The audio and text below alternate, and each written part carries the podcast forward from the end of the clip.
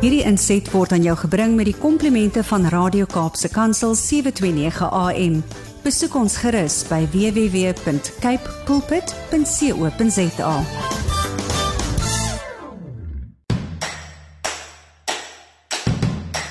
Dit is Saterdag die 25ste van die maand Junie 2022. Dit is net so skuins na 7 en hier is 'n man wat met so 'n halfgeleende stem vandag met jou gesels want my stem het nog steeds nie heeltemal teruggekeer huis toe nie. Baie baie goeiemôre van my Willem van Jaarsveld. Ek is jou gasheer tussen 7 en 8 elke Saterdagoggend hier op die senders van Radio Kaapse Kansel. Jy luister na Landbou Landskap en in vanoggend se program gaan ons so 'n bietjie kyk na die volgende. Om 10 oor 7 kom saad vir die saaier aan die beurt en ons skrifgedeelte van môre is Jesaja 40 vers 31 en die tema Die Here gee ons vleuels. In Kapstok is uh, ons so vinnig deur die landboulandskap en ons kyk na nuusberiggies en nuuswaardighede wat die oog gevang het en net daarna 7:30 begin huis en hart.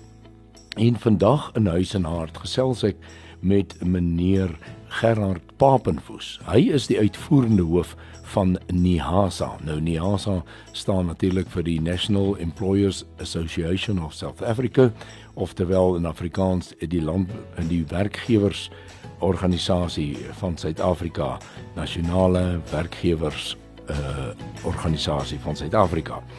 En hy gesels vanoggend 'n bietjie met ons oor die doel en funksie van so 'n organisasie, maar veral vra hy vir hom die vraag: Wat kan 'n werkgewer doen om die werkplek in harmonie te hou ter wille van produktiwiteit en volhoubaarheid van 'n besigheid? Dan in die uh, gedeelte stories van hoop het ek vanmôre 'n gas, Danel Miller van Pretoria wat getuig van God se voorsiening en hoe hulle die COVID tyd deurleef het in die gasvryheidsbedryf.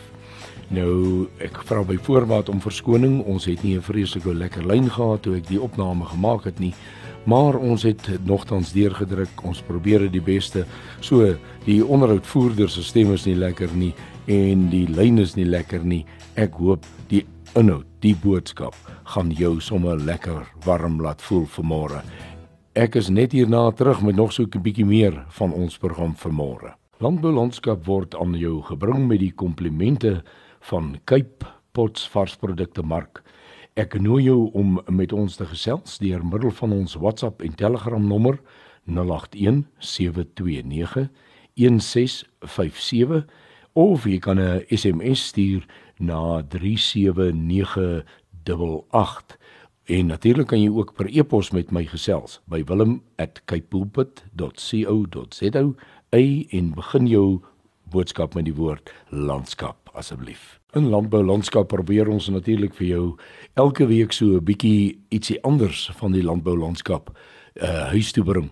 Ons probeer dit deur middel van die radio dit is nie noodwendig altyd die die heel beste nie want ek wil vir jou sê van die dele van die landboulandskap wat ek die meeste geniet is dit wat ek deur my oë inkry.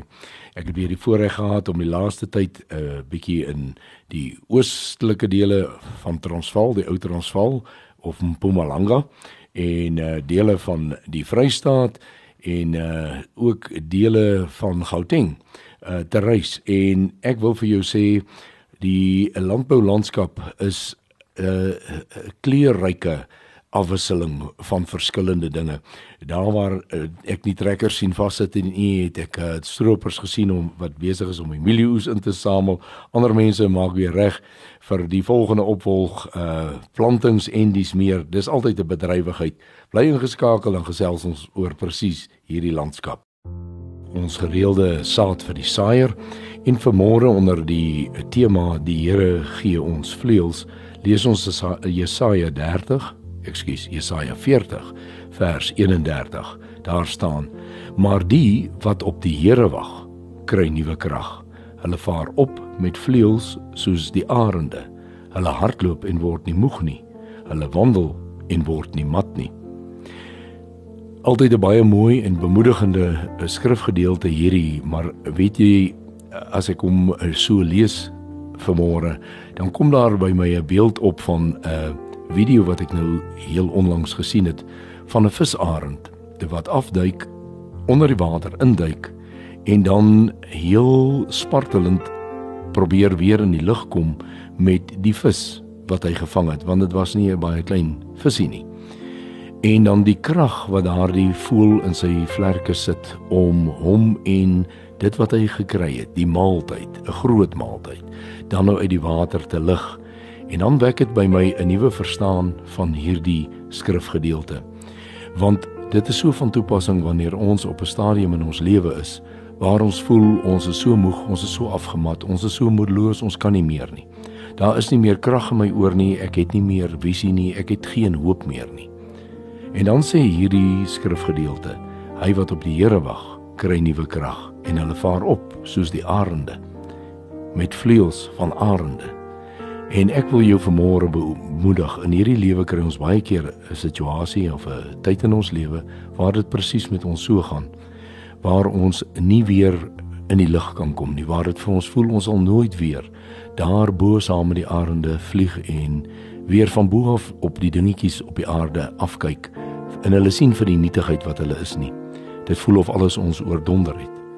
Maar Vat moed vanmôre. Lees Jesaja 40 vers 31 so gereeld as wat jy nuwe moed nodig het. Kom ons bid. Vader, ons kom na U toe in die naam van Jesus Christus, U seun, die enigste verlosser, die enigste wat vir ons krag kan gee. En ons sê vir U vanmôre dankie dat ons U seun mag ken. Jesus, dankie dat U elke oomblik by ons is. Soveel as wat ons ons hand uitsteek, is U daar en vat U ons hand en U lei ons. Ons gebed vanmôre is, Here, waar ons soveel keer ook so spartel om weer in die lig te kom. Partykeer is dit juis nie 'n nuwe maaltyd wat ons saamdra nie, maar die verlede wat ons met ons wil saamdra. Gee ons asseblief die vermoë om dit wat ons nie moet saamdra nie te kan los en gee U vir ons die vleuels, die krag in ons vleuels dat ons weer nuwe hoogtes kan bereik. Ons vra dit in Jesus se naam. Amen. Jy is ingeskakel by Radio Kaapse Kansel en jy luister na die program Landbou Landskap. Ons gaan net hierna 'n bietjie kyk na nuusgebeure in die landbou.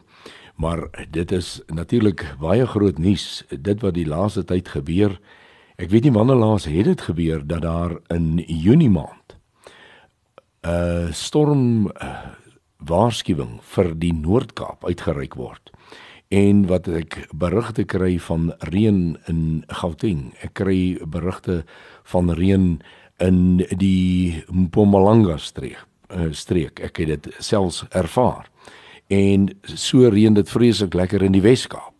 En ek is baie dankbaar daaroor. Maar is dit nie 'n uh, kontras wat ons beleef dat dit die seisoene is wat ons deesdae het, heeltemal anders as wat dit veronderstel is om te wees. Maar dis goeie nuus. Uh water uit die hemel is altyd goeie nuus. Ons gaan net hier na Kapstok kyk. Dit is nou tyd vir Kapstok en ons het gesê ons gaan so 'n bietjie kyk na 'n paar gebeurtenisse in die landbouwêreld, maar daar's twee wat ek dink vanmôre ons aandag moet kry. Die eerste ene is die stand van sake met die uitvoere van ons landbouprodukte terwyl dit nou so midde in die groot oes seisoen van sitrus veral in ons land is. En uh, by my vanoggend is meneer François Nulls ek het eintlik weliswaar by hom in Pretoria gaan kuier. Ek is by hom. Uh goeiemôre François goeiemôre Willem en luisteraars. Dis altyd lekker om met julle te kan gesels. François ek weet dat so 'n uh, week of 5 gelede seker nie so lank terug daarom nie Was jy in die Kaap en het julle saam met Agri Suid-Afrika uitpak sowel as uh, Agri Suid-Afrika gekyk na die saak van beskikbaarheid van uh vraghouers en ook die vloei van uitvoere deur ons hawens. Kan jy ons so 'n bietjie opdateer daaroor asseblief? Ja, Willem graag. Um, ek dink dit is tog belangrik dat uh, ons die werk wat ons doen agter die skerms moet deel met uh met met jou luisteraars.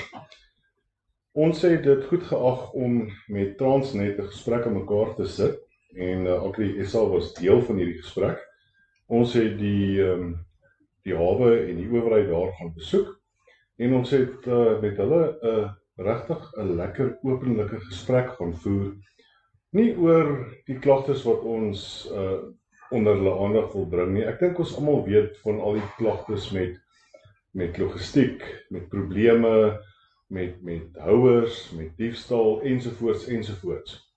Ons ingesteldheid was een van kom ons gaan praat met Transnet, ons gaan praat met die met die hoof van hulle afdeling daar en ons steek 'n werkende hand uit na hulle toe. Die hele gesprek het dus gegaan oor wat kan ons doen? Hoe kan ons saamwerk? Hoe kan ons die lading verlig met die probleme wat julle tans ondervind? So dit was 'n ehm um, 'n vergadering waar ons met mekaar so 'n bietjie um, idees gedeel het en eintlik maar net 'n verhouding gebou het sodat ons van hierdie basis af dan verder kan werk. Is daar daarom goeie nuus uh want ek dink die vraag op al die uitvoerboere se uh, lippe is gaan daar die nodige houers wees om ons produk oorsee te neem? Dis 'n baie moeilike vraag om om vir jou gemaklik te antwoord. Wat ek vir jou wel kan sê is ek dink daar's 'n ernstige aandag en 'n ernstige fokus om te kyk na houers as een van die vele kwessies wat tans by die uh, by die hawes is. Interessant genoeg as ek miskien net in 'n ander rigting kan ingaan. Ons het um, in ons gesprekke onder andere gepraat oor 'n uh, spesifiek en spesifieke toegewyde uh areas wat net uitsluitlik vir varsprodukte wat uitgevoer word, um gevestig moet word. Dit dit is 'n 'n onhoudende gesprek wat ons gaan voer, maar ek dink die blote feit dat ons net met mekaar praat en dan ook in die regte gesindheid is stap 1 in hierdie proses. So ons moet daaraan bou, ons moet daar daarmee werk. Ehm um, dis natuurlik altyd goed om iemand in die oë te kyk, dis wat ons doen en uh, ons glo en vertrou dat hierdie verhouding vir ons regtig vrugte sal opwerp in die toekoms. Ja, my my inligting is dat uh, daar definitief gekyk word na stelsels van Transnet se kant af en dis meer om die lesse wat geleer is tydens Covid en ook daarna gebeure in meer in KwaZulu-Natal en dis meer in die toekoms baie beter en op 'n ek wil amper sê 'n verantwoordelike manier te kan hanteer. Frans sommer jy in jou werk as registrateur van IPAC werk natuurlik die nouste saam ook met ons vasprodukte markte. Wil jy ons nie net op daai gebied ook 'n bietjie inlig? Daar is verwikkelinge, het jy my laat weet en ons sal meer daarvan wil weet asseblief. Ons het so 2 en 'n half minute, 2 minute nog oor. Willem baie dankie. Ja, ons het in hierdie week, dit was Woensdag, die ek dink dit was die 22ste, het ons met uh, meneer Willie Jacobs, hy's die CEO van Aardkopel Suid-Afrika. Ons het saam met hom en uh, gesiene mense in die landbou het ons vergadering gehad by hulle hoofkantoor in Pretoria en die gesprek het gefokus oor wat kan ons doen met die status van marke in Suid-Afrika.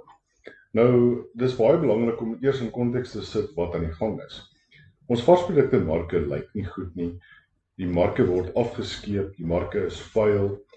Hierdie is 'n uh, formidable strukture van die verlede wat vir ons die platform is van waar voedsel versprei word. So verseker moet hierdie areas as kritiese sleutel en nasionale sleutelpunte opgepas word. So um, uit my perspektief wat ons bygedra het tot die gesprek is daar's vier elemente wat krities krities aangespreek word. Die eerste een is sekuriteit en veiligheid by mark. As dit nie veilig is om by 'n mark jou produkte gaan koop en dan ook vir 'n boer wat dit aflaai daar nie, gaan hulle dit nie doen nie en hulle gaan ander weer begin kry. Dit het natuurlik 'n impak op die goedkoop kos wat ons het en as ons uh, ander kanale begin soek, dan raak hierdie proses baie duur. Die tweede ding wat ons moet na kyk is instandhouding. Ons marke is afgeskeep. Ehm um, baie van hulle is in die hande van plaaslike owerhede en ons moet vir mekaar sê daar moet dringend aandag gegee word aan hierdie infrastruktuur wat baie oud is. Ehm um, iets wat oud is hoef nie uh onbruikbaar te wees nie. Dit moet net 'n bietjie ehm um, die Engelse woord is opgepolish word. En uh, natuurlik is daar nou 'n groot slaggat is in die in die hek waar jy moet inry gaan iemand se vat. Nie ek nie, nie die huisvrou nie, niemand wat die mark ehm um, wil besoek nie. Die derde ding is is krities belangrik en dis higiëne. My gesprek met die marke en in hierdie uh, gesprek by Artpels Suid-Afrika was een van tel die papiere op. Jy het nie geld nodig om dit te doen nie. Hou jou plek skoon. wees trots op die omgewing. As ons 'n mooi skoon markomgewing het, gaan almal dit begin beter ondersteun en dit is krities belangrik. Nou die vierde en die laaste punt in my perspektief is en dis ook die gom wat al hierdie goed aan mekaar hou, is jy het goeie bestuur nodig om hierdie al hierdie pilare aan mekaar te hou. Ehm um, is die bestuur goed? Ek dink nie so nie. Ehm um, ek dink ons moet 'n bietjie baie eerlik en harde woorde met mekaar deel rondom dit. Dis tyd dat ons 'n bietjie dissipline in uh in marke kry en uh nou is die tyd om daai gesprek te voer. Frans baie dankie. Dis waarvoor ons vanmôre gaan tyd hê. Ons gaan in die toekoms dalk weer hieroor kan gesels. Dankie vir jou tyd. Dankie vir die gesprek met ons luisteraars. Bly ingeskakel. Dit was Kapstok. Ek is net hierna terug. Nou ja, soos beloof, gaan ons in huis en naard vandag gesels met meneer Gerard Papenfoos, die uitvoerende hoof van Niasa. Dit het in die afgelope tyd nou gebeur dat daar weer in die parlement allerlei beweringe gemaak gewees het van wandade wat boere in Limpopo pleeg teenoor hulle werkers en 'n baie eensidedige prentjie uh gegee is van die situasie. Ek het die voorreg gehad om in daardie tyd ook in Limpopo draai te maak en uh Dit is interessant as jy hoor wat die ander kant van die munt is, maar die feit van die saak is elke jaar hierdie tyd as die sitrus uh, ingeoes ingesamel moet word, die oes moet huis toe kom, dan kry ons allerlei arbeidsprobleme en aansprake en uh, onrus. Maar daarom het ons dit goed gedink om vanmôre 'n bietjie met meneer Gerard Papenfoos te gesels. Uh wat kan 'n werkgewer in hierdie omstandighede doen? Wat behoort ons permanent te doen om die werksituasie op plase so gesond moontlik te hou net hierna in huis en hart. Jy luister na Landbou Landskap en uh soos beloof gaan ons in huis en hart vanmôre gesels met die uitvoerende hoof uh, van Nihasa. Sy naam is meneer Gerard Papenfoos. Goeiemôre Gerard. Hallo Willem. Gerard, jy weet ons is nou in daai amper ook 'n silly season soos hulle dit noem in in die arbeidswêreld. Ek weet nie hoekom werk dit so nie. Elke jaar as die uh citrus uh oes ingesamel moet word, dan het ons nou hierdie allerlei roeringe in die sitruswêreld uh en en dit is vakbonde wat dit dryf en die media is vol van vakbonde. Maar wat is werkgewersorganisasie? Wie en wat is NIASA?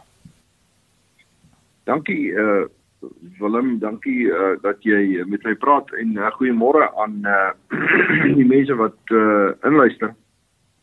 Ehm um, Nou goed, kom ek praat so 'n bietjie oor oor NIASA. NIASA staan vir die National Employers Association of South Africa. Ons uh ons passie uh is uh uh is om te kyk na die uh belange van besigheid. Uh eerstens in die uh in die uh in in in, in, wat betrekking tot die arbeidsreg industriële verhoudinge maar ook weier as dit en ek sal uh, uh daaroor 'n bietjie praat. Ehm um, Niasa is ehm um, in 1995 uh, het hy tot stand gekom. Ek het uh ek was die ou wat uh die visie gesien het met die uh aanbreek van die nuwe bedeling en die uh nuwe arbeidsverhoudinge wet wat uh die lig gesien het in, in 1995. Het ek die ding begin met uh met uh weet van van van uh van van grond grondvlak af Uh ja, toe, um, toe het daar nie sulke goed bestaan nie, nê. Nee. Wel hy hy Ekskuus tog.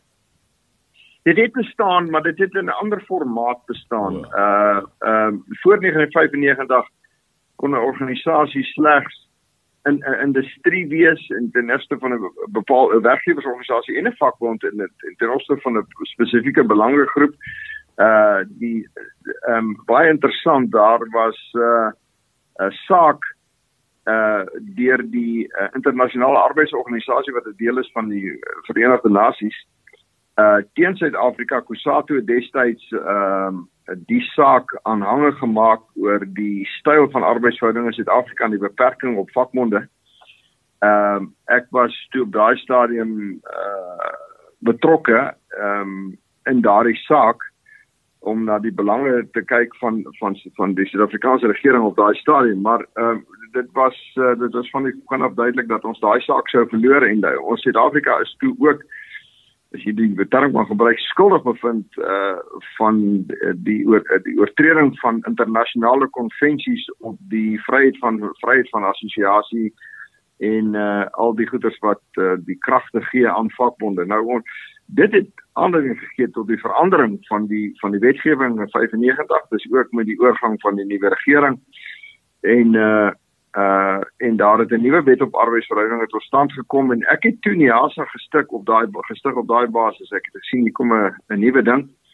En uh ek het Niasa begin en nou ja dis nou uh 5 6 27 jaar later. En uh in die tyd het ons uh uh baie lede gekry in alle industrieë uh uh daar's nie 'n enkele industrie uitgesluit in ons ledetaal nie wat natuurlik sy eie uitdagings bring want jy het uh ek moet uh, letterlik elke dag my kop skuif van een industrie na 'n ander industrie. Ja. Uh ja. maar soos dit dan groter geword het, het ons uh, vermoëns groter geword. Ons het vandag uh so 55 voltydse prokureurs in ons diens. Ehm um, en uh ons lede taal staan in etlike duisende. Ehm um, en en maar toe dit ons het voor gefokus op industriële verhoudinge en die arbeidsreg. Dit was die begin. Maar die oomblik as jy nou groter word, dan begin jy 'n substansiële invloed kry in 'n uh, in 'n uh, in 'n industrie en dan moet jy op 'n ander vlak begin onderhandel. Dan begin jy met kollektiewe bedingings en sektorale onderhandelinge. Uh dan raak jy daarbey betrokke en uh dan op 'n stadium besef jy jy moet jou stem laat hoor op uh, op uh, selfs 'n hoër vlak en dan begin jy betrokke raak by en dis wat ons gedoen het by uh uh uh lobbying uh vir die regte van werkgewers. Ehm um, en uh uh dit is op die hoogste vlak en dan begin jy getuig en jy weet in in in uh uh in die parlement en uh komitees en jy probeer uh persone ooreed maar ons weet nou in die parlement is die is die uh, golf nie noodwendig vir mm, ons nie. Nee, uh, dan dan moet jy jouself na die hof wend. Ek is op die, ek is baie ek is daar's min dat ek nie in die hof is met die regering. Ek bedoel in die hof daar is 'n saak en daar staan 'n saak en anders. So ons moet maar verdedig uh, op daai vlak uh, stoei. Uh, maar ons gaan ook uh, weier ons uh, jy weet daar's sekere uh, wetsvereistes buite die arbeidsreg as sulks. In die, die nou definisie daarvan wat werkgewers aan moet voldoen van hierdie goeder soos byvoorbeeld die uh, transformasie wetgewing van die regering. Uh, daar's sekere goed wat jy moet aandoen om voldoen. Ons ons help werkgewers daarvan en ons help om daai goeder so lig as moontlik vir werkgewers te maak want dit is uh, dit is uh, van hierdie goed as jy regtig aan alles voldoen dan het jy nie veel van 'n besigheid hoor. Nou so ons probeer ouens ons moet ons moet ouens help sodat hy aan die wet voldoen maar nie sy besigheid verloor. Nou dit is presies ja. daai deel gerad wat ek net gou-gou ekskuus. Uh, ja, ja, uh, jy ja. weet 'n mens skryf baie keer die idee as jy na die uh media kyk, dan is dit ja. daar's net vakbonde en hulle het net altyd weer eise en nog meer eise. Maar ja. daar is daar 'n ander kant. Werkgewers kan hulle ook binne die wet verskans teen onbillikheid. O ja, uh, weet jy uh, die die wet die wet is geskryf uh um, in die konteks van 'n nuwe bedeling in Suid-Afrika wat uh wat werkersregte uh beskerm. Dit is dit is die wet.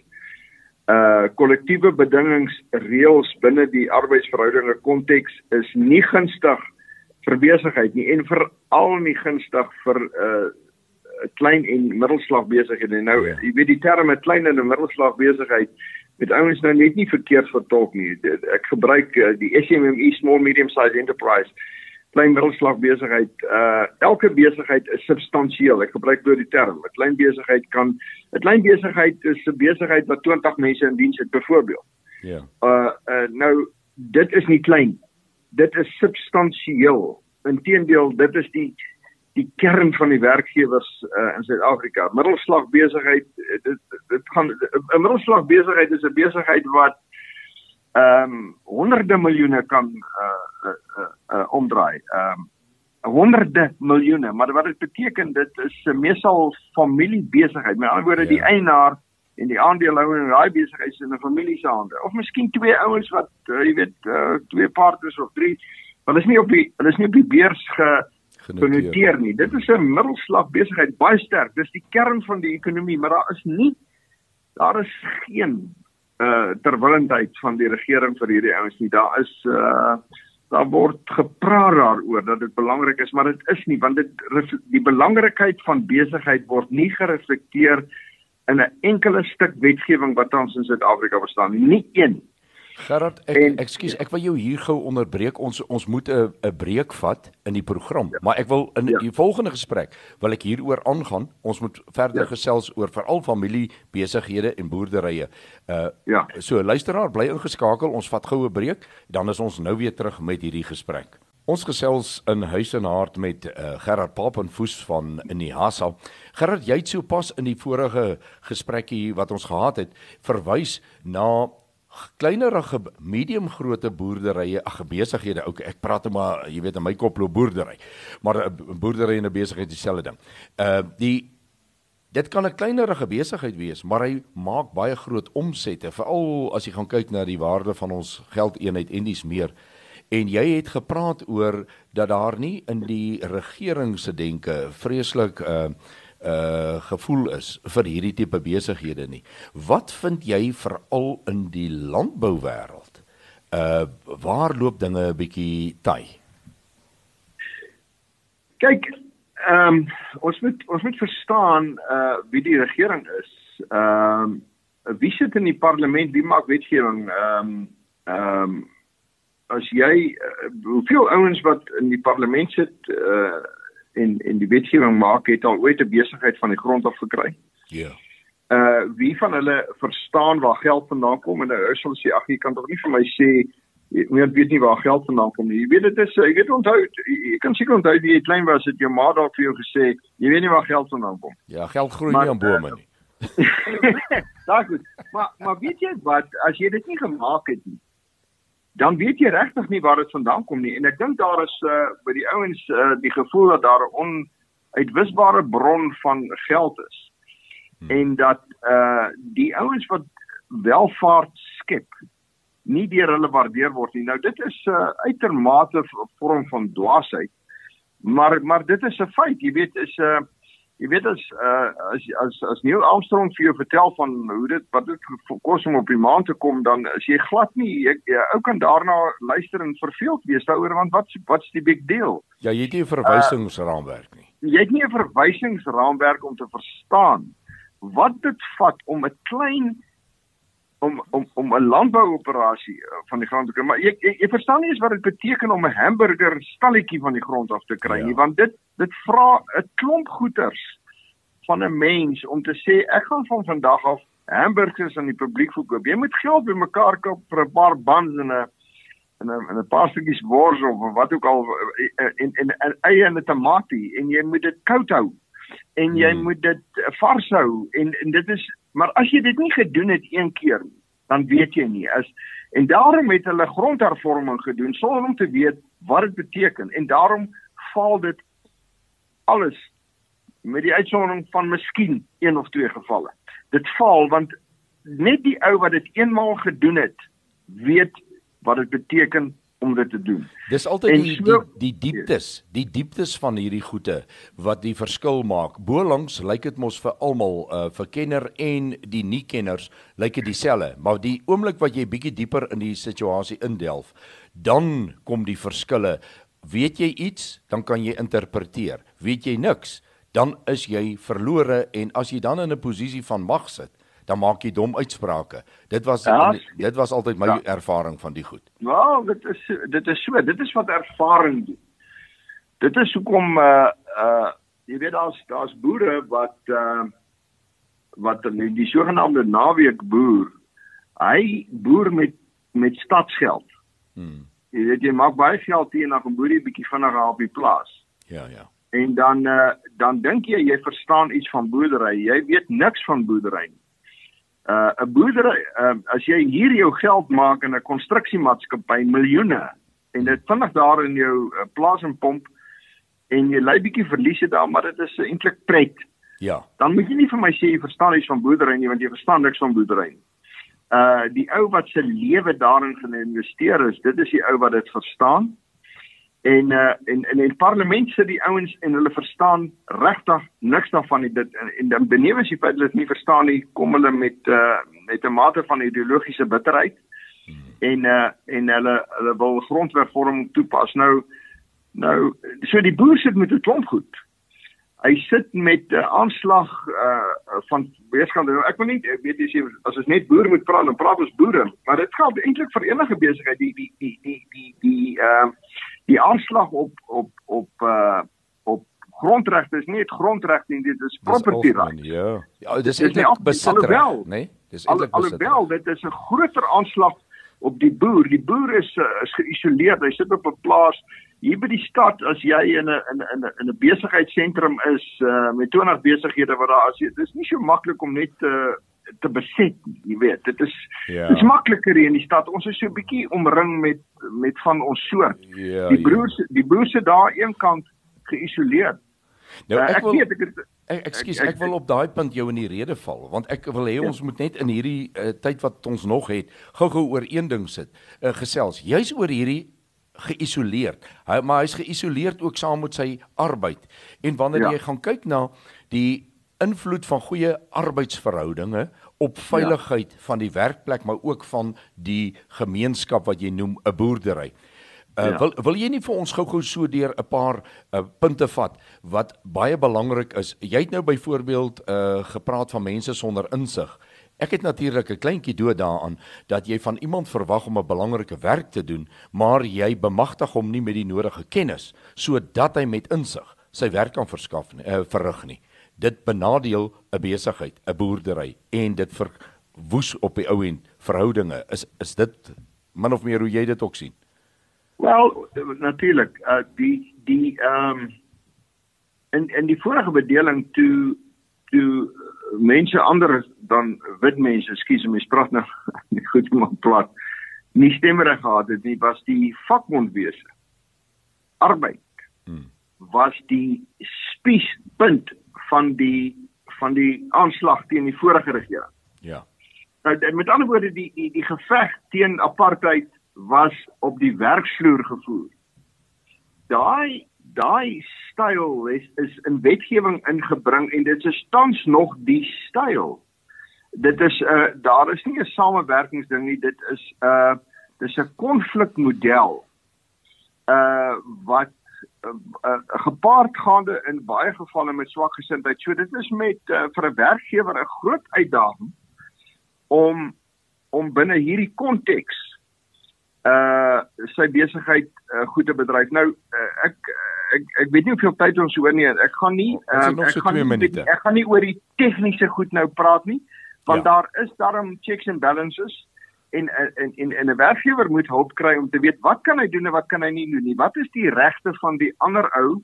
Wat kan hy doen? Maar dit is op 'n uh, tegniese vlak. Hoe doen jy as ouens jou dryf? En jy sê heeltemal reg, 'n staking is net belangrik aan wanneer wanneer uh ehm um, wanneer die nooddruk. En ons het dit gesien uh weet in in in Parys staak die vervoer ouens in die winter as die sneeu 2 voet dik lê.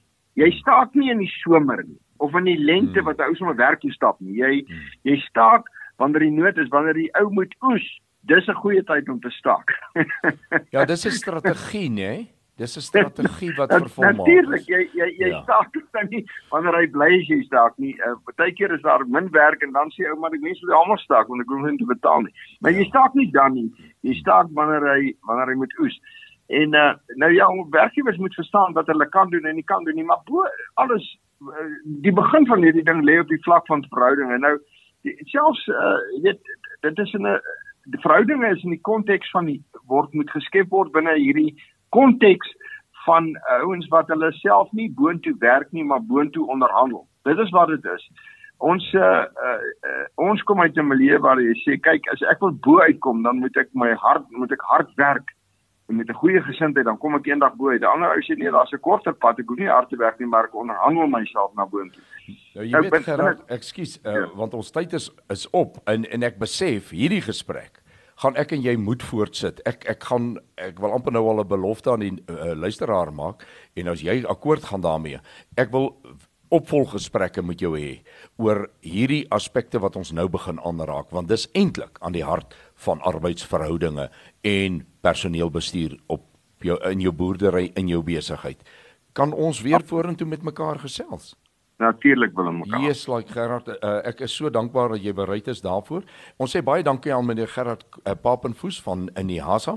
Uh, ek wil amper sê dan vir die begin van 'n klompie gesprekke oor arbeidsverhoudinge. Baie dankie Gerard. Dankie Willem, dankie vir jou luisteraars. Dit is nou tyd vir ons stories van hoop en dit was my voorreg om so in my omswervinge vir Danel Miller te ontmoet. Sy bedryf 'n gastehuis in Pretoria en toe ek hoor hoe dit met hulle ook maar hier deur die uh, COVID periode gegaan het toe kom 'n mens net weer agter dat niemand het in die gasvryheidsbedryf uh die probleme uh ontduik nie. Maar vir party het dit net beter uitgeloop as vir ander. Baie welkom by 'n landbou landskap uh, Daniel Baie dankie Willem vir die vraag om my storie te kan deel.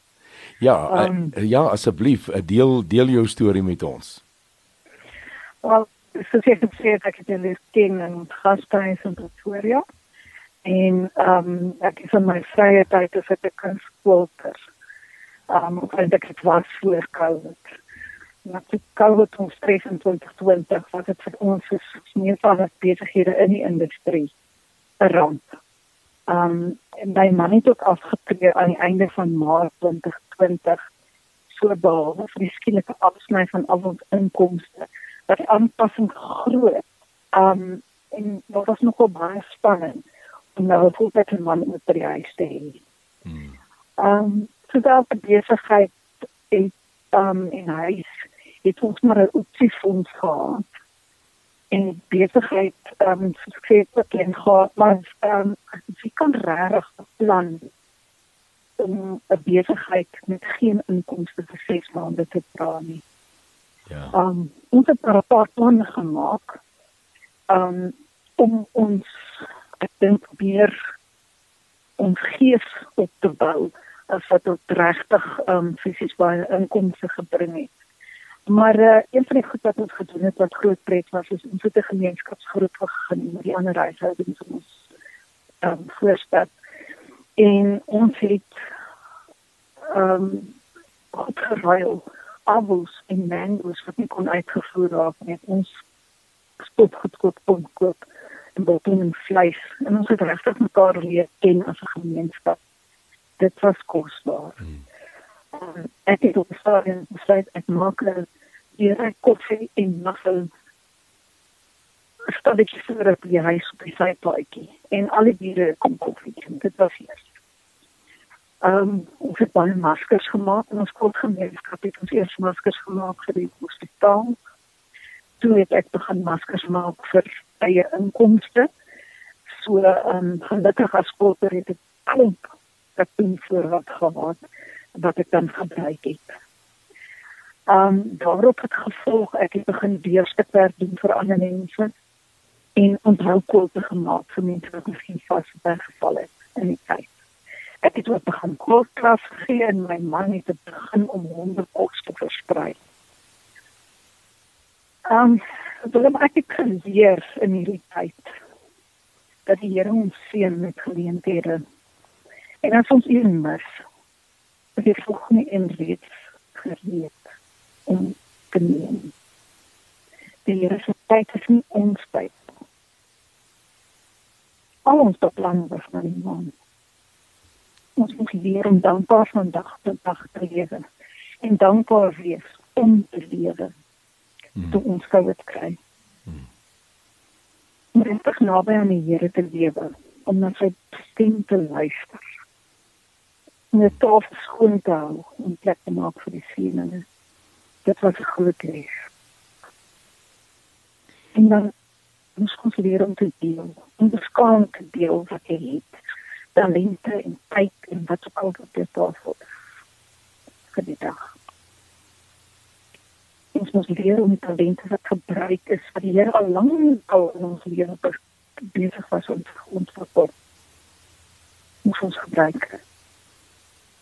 En dan dink ek groot en ons het geleer wat is genoeg Ja, en dat ons persepsie van begrip nie meer vir idees. Hmm. Ons is ryklik geseën en ons het genoeg gehad deur al die maande van swaar kry. Ons is eindeloos beperk. En dan wil ek net sê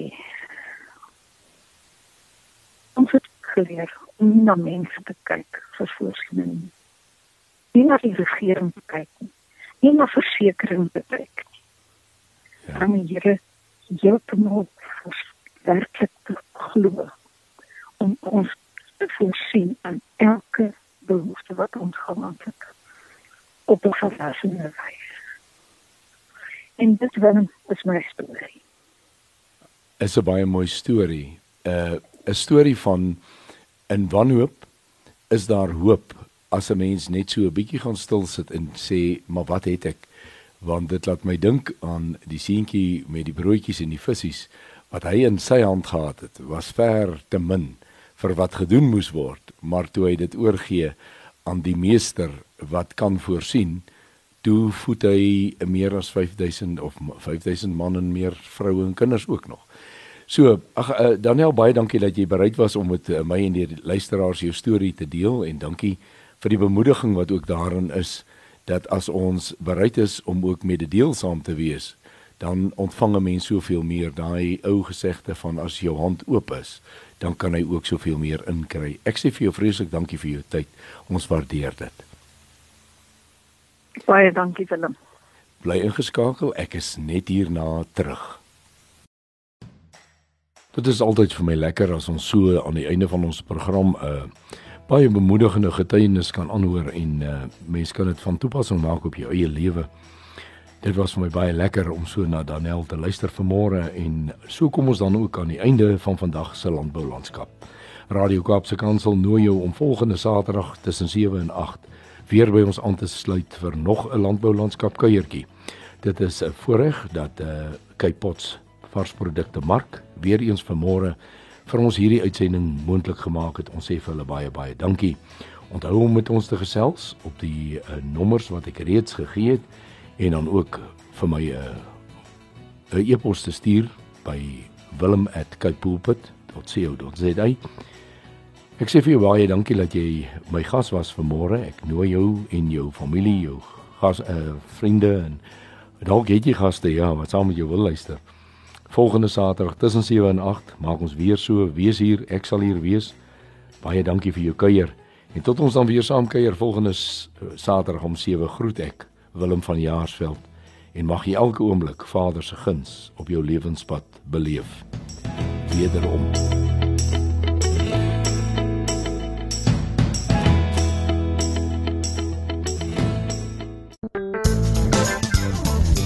Hierdie inset was aan jou gebring met die komplimente van Radio Kaapse Kansel 729 AM. Besoek ons gerus by www.cape pulpit.co.za.